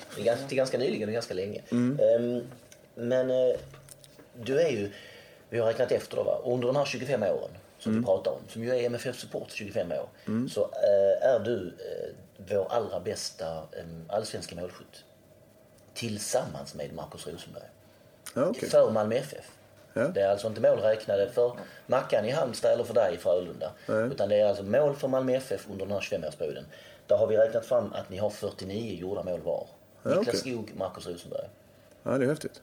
Eh, och då hoppas vi ju tyvärr för din skull då att Marcus går förbi nästa år kanske. Ja. Det hoppas jag också att han gör. Ja. Eh, Jag har ju lärt honom allt han kan. Liksom, så att, eh, nej, nej, men Mackan är ju extremt duktig. Han var ju, han var ju med och tränade med oss. Han är otrolig talang när han kom upp hos oss. Så att, eh, och det han har gjort för MFF är han väl värd. Och, eh, får gärna göra mer mål än vad jag gjorde. Men det säger ju någonting också om dig. Menar, du, du, det är inte Idje eller Afonso eller någon annan. Det är ju det är du som är där uppe liksom. Ja, jag har alltid gjort mycket mål i och för sig. Sen eh, gjorde ju Peter extremt mycket mål ett år, men, men eh, ja, jag har väl haft en... Jag har alltid gjort mål på något sätt. Eh, Det, är väl, det har väl varit min styrka. Och om, om man då ska säga det här, det här målet är ju inte ditt då. Nej. Men du har gjort 49 stycken. Du är alltså vår mest profilerade målskytt Har du någon, har du någon, några egna favoritmål som du skulle vilja plocka fram under MFF-tiden? Liksom? Ja, Vi har några... Vi har Jag några har en liten lista här. Ja, alltså, alltså mi- mina... De skönaste målen som jag har gjort det är ju eh, Helsingborg hemma när vi vinner med 5-0. Det, och det är just det, för du vet man också känslan mellan Malmö och Helsingborg liksom, och så få krossa dem med 5-0. Och det, då hade vi ju, jag tror det var 27 500 något där på läktaren liksom. Och, eh, och jag får göra hattrick också givetvis. Så de målen är väl egentligen de skönaste kan man väl säga. Eh, Just för min egen känsla men också för MFFs känsla liksom, med publiken och allting. Att man, man kan trycka till Helsingborg lite grann. Liksom. Det, det känns skönt. Tre väldigt fina mål. var för sig olika Ja. också. Ja, precis. Jag kommer ihåg dem. Det- En i första är ju en omställning där ju. Där Peter spelar fram när jag spelar. Jag skjuter egentligen upp ett mål ju. En Otrolig omställning. Ja, det är det. Det är Thomas Olsson som slår första bollen till Ja. Peter och sen... Mm. Sen andra målet är väl... Ja, det är Langa som slår ett inlägg där jag får... Jag tar emot den och får vända om egentligen och skjuter med vänstern i mål. Eh, Ett riktigt skogmål känns det. Ja, det känns det som lite... Jag var ju en straffområdesmänniska. eh, Spelare egentligen. Eh, Men sista målet är ju en frispark ju. I 90 lite pricken över. Ja, jag kommer ihåg, är Anders Lindberg, han var ju materialare då. Eller massör, jag kommer inte ihåg vad han var. Men eh, han hade spelat på matchen, jag tror han spelat 4-0 någonting. Jag tror han stod med ryggen till och sa att han, han kommer sätta den din jävel. Liksom. Han kom efter mig i matchen, fy fan. Då kan han gott ta i sig. Ja. Och sen gör du nästan en exakt likadan mot Hammarby när vi vinner 6 Mm. Samma sorts frispark, samma läge. Samma Ja. mål. Ja, stämmer. Jag gjorde tre mål i matchen också, jag kommer ihåg. Mm. Ja, de... Hattrick är speciellt att göra. Det måste jag säga. Så det är de här tre målen mot, mot Helsingborg som du känner är liksom st- tyngst. Ja, det känns så. Ehm, Det är väl de målen. Kommer väl ihåg de flesta, men gör du. ja, det gör jag. Så om för vi skulle lyfta några mål här som man verkligen gillar så kan du beskriva dem för oss. Det tror jag. Ja, Eh, Då, då börjar jag så tar vi några stycken här. Örebro borta eh, 2004. 1-0. Ja, det är ju en, eh, ett vänsterskott faktiskt, med rib, ribba in är det till och med. Ehm, en, faktiskt en extremt viktig match egentligen. Mm. För eh, det var då vi, jag tror Djurgården hade förlorat eller något sånt där. Och vi kände att vinner vi den här matchen då, då kan vi liksom vara med där uppe. Liksom. Eh, Även om Halmstad var med. Men då kände vi liksom nu... Mm. Jag kommer ihåg även mål. Han gör ju ett solo, solonummer där. Ja, solonumret där.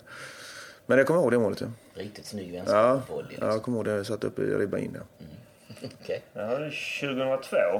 2-0 mot Kalmar borta. Oh, 2-0 mot Kalmar borta. Det var fan. Jag trodde jag kom ihåg alla. Riktigt snyggt det här också. säga. Jo, men det är den jag eh, kom på högerkanten och chippade in den va? Är det inte den? Nej. Nej. Nej. Nej, jag kommer fan inte ihåg det då. Du tar emot den på mittplan, eh, vänder upp några steg fram och Ja. så liksom smeker den. eh, höger. Okej. Ganska långt utifrån. Ja. Ja. Men jag var med, det var en favoritposition att komma där. Lite från vänster och så skruva in den i bortre. Det har man ju sett några gånger. Ja, jag sköt ju väldigt sällan hårt in bollen med mål i och för sig. Så att det, ja, fan, det var dåligt att inte kunna det. Jag kommer ihåg när du säger det nu, men nej, det, var, det var illa. Jag, jag har väl det med på listan. Ja, vi har samma år då, Mm. eh, 02. 4-1 mot Göteborg. Ja, men det är väl där eh, jag tror... Tror det är så att Bengt gör en dålig utspark, va? Där jag får ta den och så skjuter direkt, egentligen direkt in i mål. Här är ju vi lite så, kanske lite tramsigt skadeglada. Men det är ju extra roligt tycker vi för att det är mot Göteborg. Ja. För att de, Ja, men det förstår jag. Ja. jag förstår. Peter Olander brukar alltid håna mig för jag är göteborgare så att jag, jag förstår känslorna däremellan. Eh, jag, jag, har ju aldrig, jag har aldrig varit i IFK egentligen, jag var ju öisare så att det var ganska skönt att få göra mål mot dem också. Det är även eh, Helsingborg borta 2002. Mm. Men var det cupmatchen eller? Är det... Nej, nej, cupmatchen är suveränt Ja, viktig på alla ja, vis. ja. När du gör ett hattrick. Men jag, jag tänker på eh, ja, matchen som sen Idje avgör. Men du gör ju 1-0 i den matchen. Ja, det gör jag. Jag har för mig att det är en, en vänsterfot eh, från vänsterkanten där. Ja. En jättefin lång boll utav Mikael Mikael Roth, ja. Ja. När jag tar ner den Precis. i luften tror jag. Ja, Mm. och viker in den. Det också lite skogaktigt Ja. in i straffområdet. Så han markerar liksom. Ett favoritmål för mig är också en väldigt jobbig match 04 hemma här mot Trelleborg. Ja. Som vi till sist vinner med 4-2 och du gör det sista målet. Det sista Jag tror jag första två mål där, tror jag, va? Ja. Men det är framförallt det sista som är som jag minns som är otroligt skönt. Ja, och det är väl då jag gör min gamla målgest tror jag till och med. Ja. Från Frölunda-tiden. det är det kanske är. Ja. Eh, Det viker bort försvararen väldigt snyggt. ja, det är väl nere i hörnet där på, eller på högra sidan. Eh, jag, jag kommer ihåg att jag, jag hade lovat att göra målgesten, jag kommer inte ihåg för vem. Men jag hade lovat att göra målgesten från Frölunda en gång. Liksom. Eh, Det har varit ett väl valt tillfälle. Vi, vi, vi, vi ska avsluta det här Mm. och, och, och, och vi ska gå tillbaka till det här målet en, en sista gång då. Ehm, du säger det själv, det är du som blir fälld. ja. Ehm, kommer du ihåg, liksom, vi vill såklart verkligen penetrera, Krävs. komma in i det här. Kommer du ihåg känslorna där? Du, du tar den. Det, Ja, ja, men jag var ju straffskytt. Eh, och jag ville ju jag ville ta den. Jag älskar ju att göra mål ju. Så att, eh, eh, men jag kommer också ihåg hur sjukt nervös jag var. För det, det gällde så extremt mycket. Jag visste att publiken verkligen ville. Liksom. Men jag, jag tog det lite säkra för dos liksom, och så la den jag brukar göra. Eh, nu går ju Johan och Wieland åt rätt håll och räddar den. Eh, kommer du ihåg känslan då? Nej, jag hinner inte reagera på det. Nej. Eh, utan jag slår straffen, den studsar ut och sen slår ju Höjland in den direkt. Liksom. Känslan för mig är ju att det blir mål. Liksom. Eh, så att eh, jag hinner inte reagera på fan, liksom, utan det blir ju mål. Nej, det är nästan samma på läktaren. Man Ja. hinner knappt säga nej för att Nej. den är ju, ligger ju i mål. Ja, liksom, som- precis. som den går. Så jag hinner själv inte reagera, för jag, jag slår straffen, säger att han räddar och jag är själv på väg dit. Ju. Så att, jag hade inga reaktioner på det. Har du pratat med Wieland om det någon gång? Nej, det har vi egentligen inte gjort. Eh, Du och Höjland måste ha pratat om det. ja, det har vi, har vi gjort. Det är många som har pratat med om den här. Ja, men jag tänker just på Ju- Julinge som är hans Ja, men vi har inte pratat om det så jäkla mycket egentligen. Alltså det, det, det är mer käns känslan om, om det i så fall. Ehm, att, eh, att det blir mål, liksom, att vi vinner guld på det. Ja. Det, är- det är mer den. Och sen ligger han där då, och så ligger ni över honom. Ni ser ut som att, när man ser bilderna efteråt, det här vet man ju inte om när man är på läktaren för det är Nej. fullt kaos. Men man ser bilderna så ser det ut som att ni väldigt lugnt pratar om någonting. Det ser ut som att ni har en väldigt stillsam konversation tillsammans, mitt i stormens öga. Ja. ja men vi, vi, vi, jag vet inte vad vi sa till varandra egentligen, men, men det var väl typ att ja. Nu äntligen vi har vi gjort mål liksom. För, för, för vi, vi var ju tvungna att göra mål. Man var extremt lättnad. Jag tror, jag tror vi liksom sa det, ja, nu har vi gjort detta liksom. Är det, är det inte konstigt att det just är att det är Höjland som kommer där? Och när man har, det visade sig sen efteråt att det var en supporter som hade filmat det bakom målet, högt uppe på den här, i, i, i kurvan. Och då står alla uppställda för straffen och du går fram och ska skjuta. Och då kommer ju Höjland springande allt vad han kan från mittplan.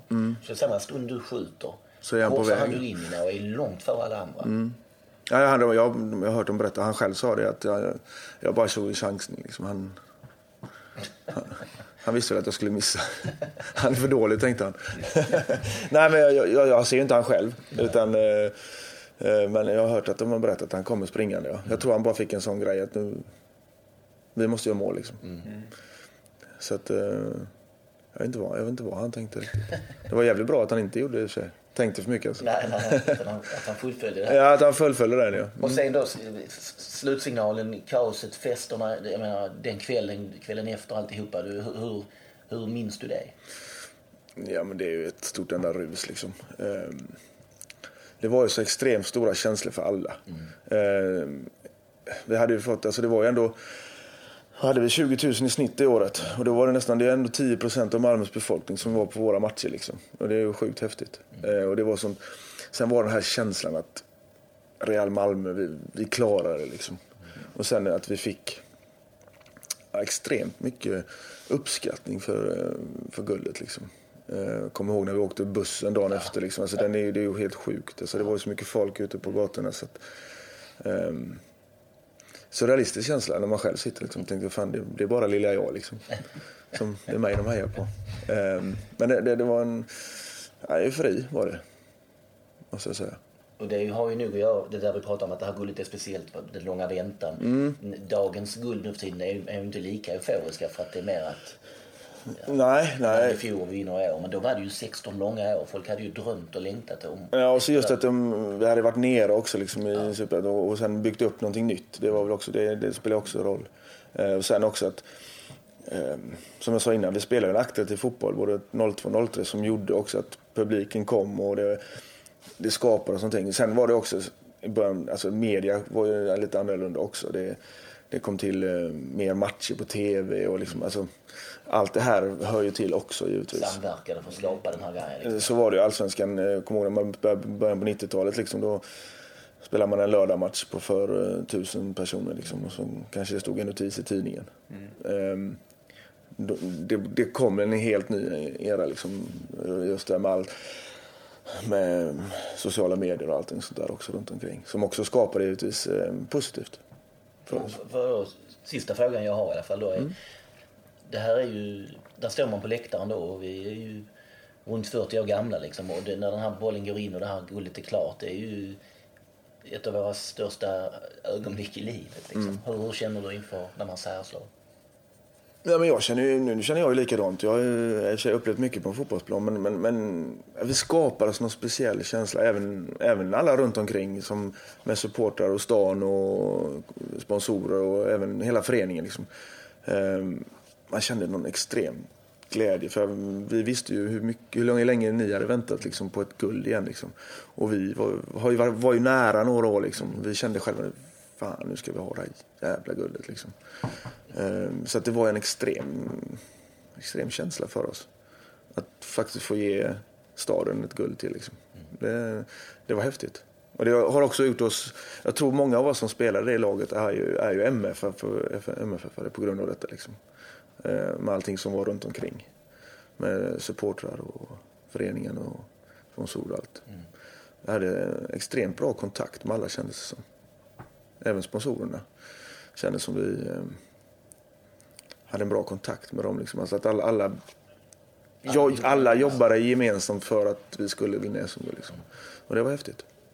Extremt häftig känsla.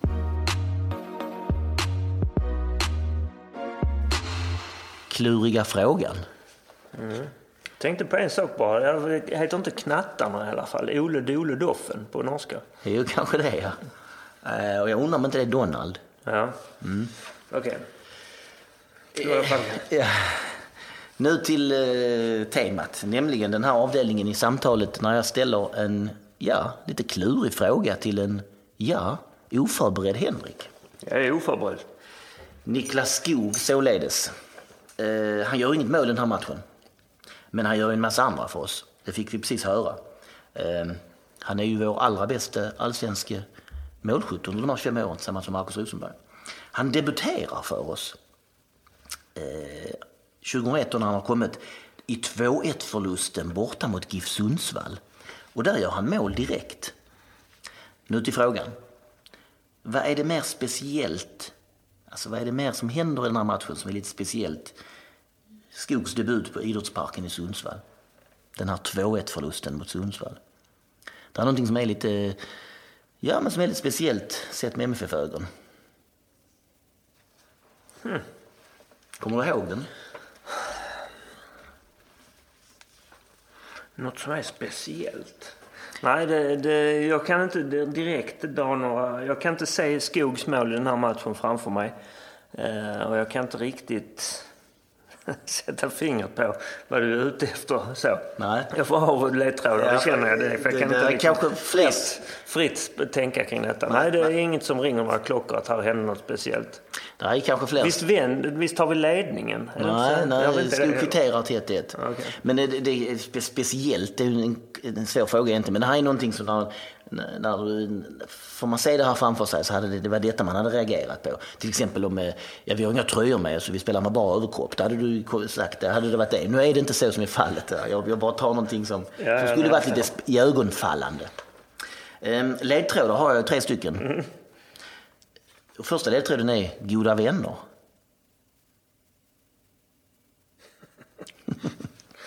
Goda vänner. Ja. Goda vänner? Vad kan ha hänt här med goda vänner?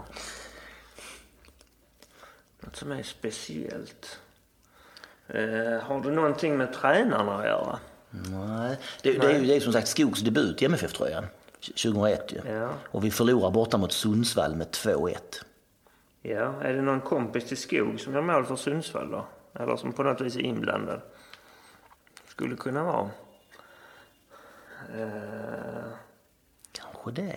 kanske det. Ja, men vänta. Det är ju såklart att Yngvesson gör bägge för Sundsvall. Ja, Där har vi det. korrekt. De andra två ledtrådarna är då Alnö. Och det är ju Andreas Yngvessons födelseort. Och den tredje ledtråden är då spelat hos oss. Jo, det är precis så. Att vi förlorar 2-1 mot GIF Sundsvall och målen görs av Andreas Yngvesson, Niklas Skog, Andreas Yngvesson. Ehm, och Yngvesson kommer ju till oss från Sundsvall året efter. Inför säsongen 2002. Tre, va? Nej, två. två. Mm. Ehm, han stannar till 2005 på sommaren när han lite hastigt tycker jag ska skeppas iväg till Landskrona. Just det, men han platsade inte. Jag vet, det sa han väl själv att liksom, han var inte så glad när han inte fick. Visst, han spelade väl lite grann, att han inte hade någon ville- bärande roll längre. Han nej. trivdes inte med att bara vara en komplementspelare. Han har varit en kort vända i AIK också. Det var Sundsvall, AIK, Sundsvall och sen Malmö FF. Ehm, har ju ett allsvenskt guld för oss, är ju rätt vital för 2004-laget med attityd och inställning och ja, en hel del mål också. Ehm, spelar den här guldmatchen, som ju eh, där Höjland gör mål, blir utbytt i den 66 minuten mot Hasse Mattisson. Eh, och är ju god vän väl, har vi förstått, med Niklas Skog. Eh, och då får vi väl ge Nej, halvt rätt. Ja. Halvt Jag var lite inne på kanske om det skulle varit någon gammal anfallspartner från eh, antingen Frölunda eller Örebro som spelade i Sundsvall. Men så Typ kom så. på det här. Thomas Rosenqvist satt på läktaren och såg matchen Ja, med, eh, med, med en Coca-Cola i handen. Eh, Men så var det inte alltså. nej. Eh, Bra.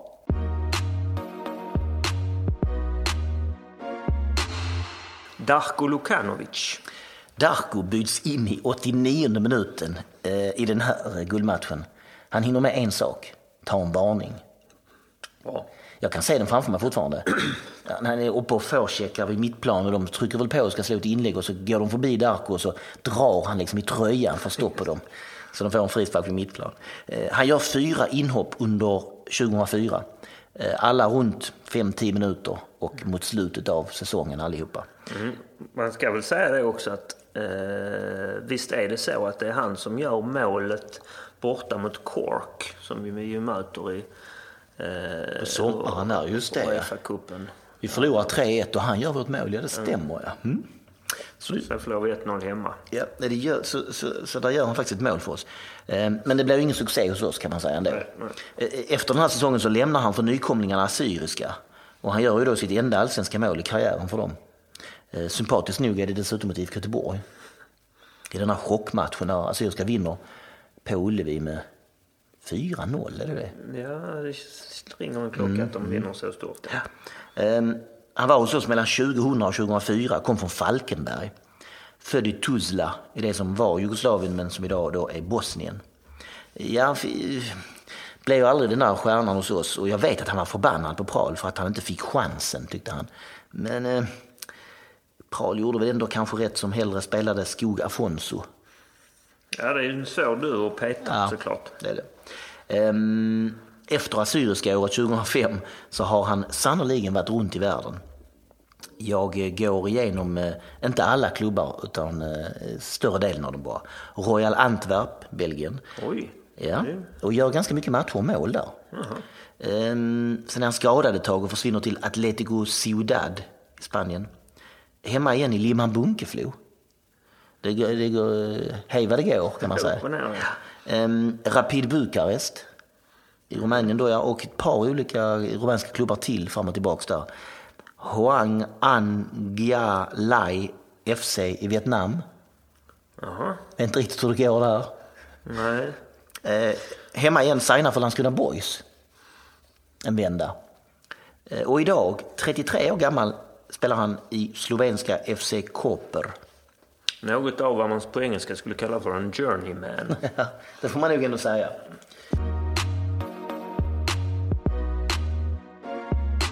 MFF-låtar. I samband med det här guldet så kommer en låt som heter Guld ska glimma där det hör himma. Blå kombo. En härlig text med som sjunger en röst som liksom låter lite framtvingad. Börjar med Kingen Elanga slå. Uh, vad är det nu han Kingen Elanga gör? Jag kommer inte ihåg texten faktiskt. Kan jag säga att jag inte gör. Något men slå fram över hela planen Shanko han har koll. Ja, nu ja. tappar vi texten här. Det är sånt som Björn Skifs också gör. Eh, Så du har kanske skämmas så mycket för det. Men eh, lite latinamerikansk gung va? Kan det vara calypso kanske?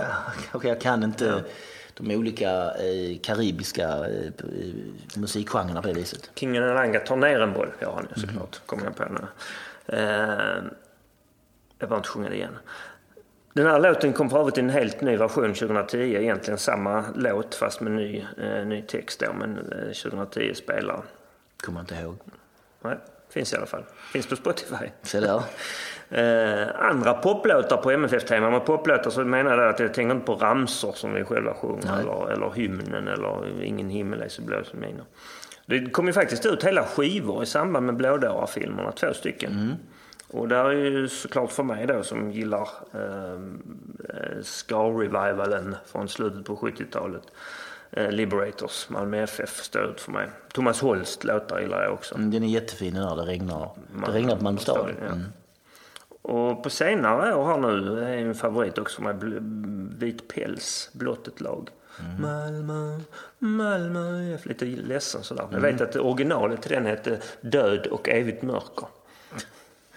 Passande ju. Jag är barnsligt förtjust i, i ehm, den här äh, kommer pågarna eh, som vi har sjungit någon gång på läktaren, eller försökt sjunga i alla fall. Eh, Vi försökte senast Borta mot Sirius, men den är en lång och krånglig text och eh, åtta av tusen på plats har hört den, så det är lite svårt. Den är skriven faktiskt av eh, Jan Soler, den tredje Solerbrodern får man väl säga. Om man räknar tvillingarna som broder ett och två. Eller en av de tre. Det, det, och det, den, den Dyker upp lite ibland här i den här samtalsserien, Solerbröderna. Frekvent förekommande. Men den, den, den tycker jag mycket om. Eh, Den önskar jag nästan att folk kunde lära sig, så man kunde sjunga den på åtminstone på Ja, det- uppsamlingar. Jag kan inte texten till den här. Mm, Nej, den är rätt krånglig och svår. Så att, eh, och där är ju vissa saker där som jag vet att folk har reagerat på. Det. Bland annat är det kragar stärkta av hat. Eh, Som har diskuterats lite grann. Men är liksom lite bluesig, eh, rätt så rytmisk sak som jag, jag tycker mycket om.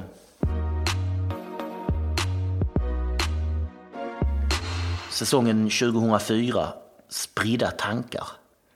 Mm, 2004 års guld. Ja, det, finns något, det finns något episkt över det här guldet på ett sätt än de andra. För det hade gått så fruktansvärt lång tid sedan senaste guldet. Och Ja. Vi båda som sitter här och pratar nu, var ju inte längre eh, arga, unga Statambo och kulturbolaget på Erikslustgående män.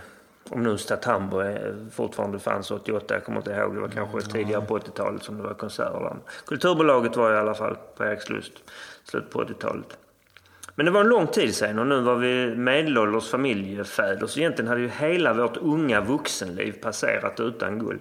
Och vi har ju tidigare varit inne på i den här samtalsserien att vi, var väl mer eller mindre bägge två. Liksom hade en känsla och en sorts förbittrad övertygelse om att vi aldrig skulle få uppleva ett guld igen. Mm. Nej, jag hade ställt in mig på det.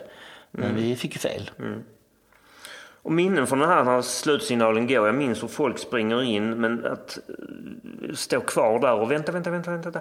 Eh, för vi vet inte riktigt så. Och så till sist den lugna killen framför oss med radion. Han vänder sig om sitt lilla småleende och säger då slut i Halmstad. Mm och att faktiskt riktiga tårar kommer, inte bara lite sådär fuktiga. Nej, jag bölade som en gris kan jag säga.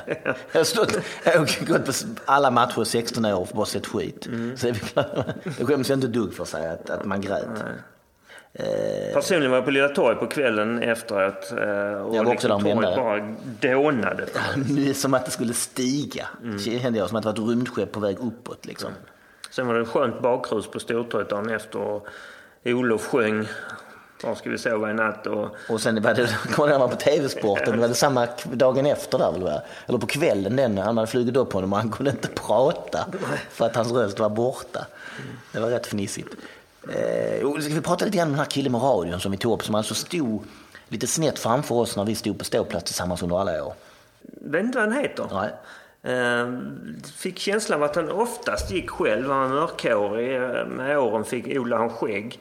Eh, var inte så lång, han var stillsam och leende. Gjorde inte så mycket väsen av sig. Och, eh, liksom, man säger, ganska eh, lågmäld klädstil. Liksom. Ingenting som på något vis skrek eller stack ut. Men det var länge sedan jag såg honom. Jag har faktiskt inte sett honom sedan vi skiftade arena. Nej. Där stod man det på samma ställe så då känner man igen honom och, och hälsar på honom. Eh, och det är då han som ger oss besked. Jag minns det som att det är han som ger oss besked om att det är straff i Halmstad. Det är han som berättar att, att det är 1-1, att straffarna är satt alltså. Och det är också han som du säger som alltså vänder sig om och leende berättar att det är slut 1-1 i Halmstad. Väldigt lugn. Ja. Men han denna- har ju en stor och viktig del i det här guldet kan man ju säga verkligen. Ja. Eh, ja, och i övrigt så kan man väl bara säga, tycker jag då, att, för det har vi hört en hel del genom den här programserien, att för spelare och ledare och tränare så var det här guldet alltså mest ett lättnadsguld. Det har vi ju hört. Att man kände framförallt en stor lättnad eh, snarare än att man kände stor glädje. Och det kan ju inte jag instämma i som supporter, för jag kände inte bara huh vad skönt, nu kan jag gå hem. Jag tyckte att det här är ju ett guld av absolut största glädje. Eh, Jag var glad i dagar och veckor och månader efteråt. Det här, hade jag, det, det här minns jag att jag levde på väldigt länge.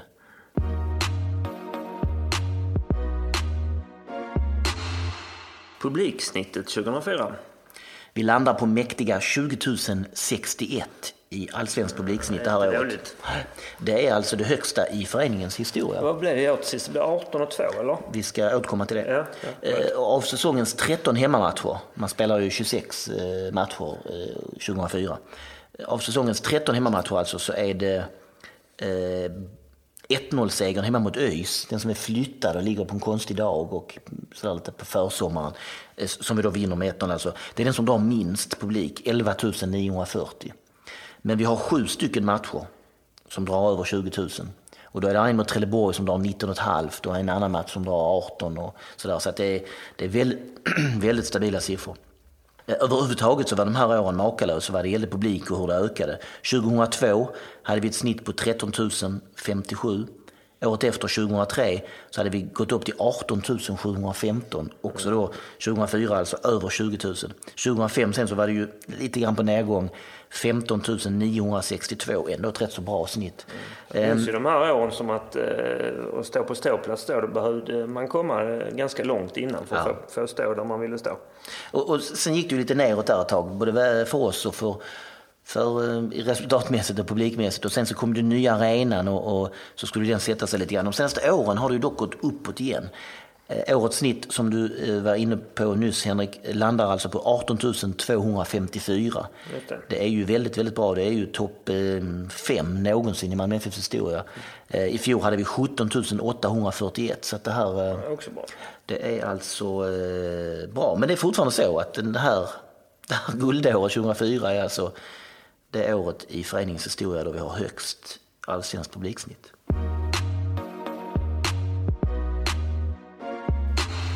Avgörandet i andras händer. Om någon har missat det. Vi hade ju inte avgörandet i eg- egna händer 2004. Vi var tvungna att få in ett resultat i Halmstad också. Där ju HBK mötte IFK Göteborg. HBK fick inte vinna om vi inte plockade in alla de här fyra plusmålen. Just det.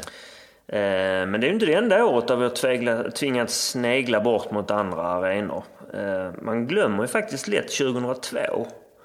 Men det var ju faktiskt scenariot att vi åkte upp till Halmstad med en teoretisk chans på Vi guldet. åkte mycket folk till Halmstad. Som Ja. Jag åkte dit och tänkte att det kan gå vägen. Djurgården de åkte till Borås och skulle helst då förlora. Eller de behövde förlora för att vi skulle ha någon chans. Vi hade bättre målskillnad men låg tre poäng bakom Djurgården. Just det. Ehm, Så de behövde förlora mot Elfsborg, Djurgården, och vi vinna över Halmstad. Då hade vi tagit guld 2002. Men de tog en tidig ledning uppe i Borås. Eh, Och sen var det en snygg klackdribbling av vår sedermera succévärvning Babis Stefanidis som ledde fram till att Andreas Johansson kunde göra 2-0 och då var det kört där.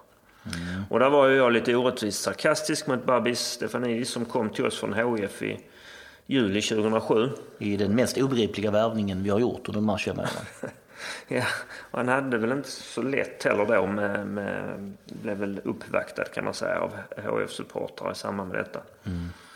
Eh, han blev allvarligt skadad sen eh, i en U21-match i början av 2008. Och det här, att han spelade U21 i början av 2008 pekar också på det faktum att han bara gjorde en handfull matcher för oss. Sen lånades han ut till Boys 2009 och så till BP. Eh, hamnade han så småningom i BP som är Brommapojkarna alltså. 2002, tillbaks till det. Ja, så för- för- försvann vi i Babis. Eh, vi förlorade. Djurgården vann. Vi slutade sex poäng efter. Men i alla fall så samtidigt förlorade Örgryte i den där slutomgången. Och det gjorde att vi i alla fall eh, höll andra platsen. 1994 är ett annat år vi har pratat om. Som Just det. också var sådär att vi hade inte saker. Vi hade guldchans men vi hade inte saken i egna händer. Rätt så på sitt vis liknande scenario som eh, 2004. Ja. Men där, eh, Vi behövde vinna mot Göteborg och Örebro tappar poäng borta mot Boys. ja, men de tar tidigt ledningen med 1-0 och, och, och kör över Boys och vinner 3-0. Så det spelar liksom ingen roll om vi hade vunnit hemma. Nu förlorar vi ju ändå. Faktiskt är det också att vi har, så att vi har chansen 2012. Ja, Vi åker upp till Solna, behöver vinna av AIK och Elfsborg tappar poäng. Eh, och av detta blir då intet, eller rättare sagt eh, ja vi förlorar ju vår match på, som är den allra sista allsvenska på Råsunda. Eh, Så det spelar liksom ingen roll att Elfsborg faktiskt tappar poäng hemma mot Åtvid. De leder 1-0 men släpper in 1 i, i, i slutet. För de vinner ju allsvenskan ändå.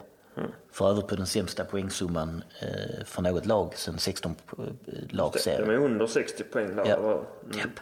Och det ska sägas också att Babis Stefanidis hade ju ett konstigt efternamn till som lag, lades till några gånger. Haralampos. Okej. Som jag minns att jag tyckte var, blev, som jag blev lite konfys av. Bättre dubbelnamn än Eriksson Olsson.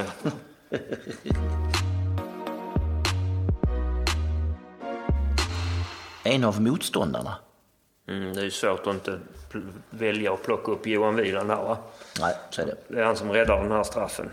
Man skulle kunna säga att han har den dåliga smaken att rädda den här straffen, men det blev mål sen så det var honom, var honom väl unt. Han hade varit i Elfsborg sedan 2000. Blev svensk mästare med dem 2006. Just det. Och sen går han till FC Köpenhamn efter säsongen 2008. Är först reserv där, målvaktsreserv, bakom Jesper Christiansen. Och sen blev Christiansen skadad i början av säsongen därpå, 2009-2010. Och då tar Wieland över första målvaktsplatsen. Eh, vilket bland annat då så småningom föranleder Christiansen att gå motsatt väg och spela för Elfsborg eh, några år. Konstigt. Ja. Wieland var ju sen petad sin sista säsong. Eh, FCK hade köpt en Stefan Andersen som hade varit ute och snurrat i Europa. Eh, och efter det hamnade han ju hos oss sommaren 2015 i samband med att Robin lämnar. Han var ju jättebra för oss. Ja, det var nästan det, eh, konstigt tyckte jag när han kom. Jag var lite orolig för att han lite äldre målvakt, eh, suttit på bänken eh, på väg ner. Eh, att han skulle vara så bra, det trodde jag absolut inte. Nej, det känns ju som en djupt respekterad målvakt och också. Genuint sympatisk framtoning. Som alla vet gick han till Bayern i somras. Eh, familjen uppe i Stockholm ju. Eh, men det var väldigt fint att han hyllades när Hammarby var här tycker jag. Ja, och att han hade spelat in en video till, till vår guldfest och så. så nej, han känns eh, på alla sätt och vis genuin. Eh, två SM-guld med oss ju. 2016 och han får ju faktiskt ett 2017 också. Mm.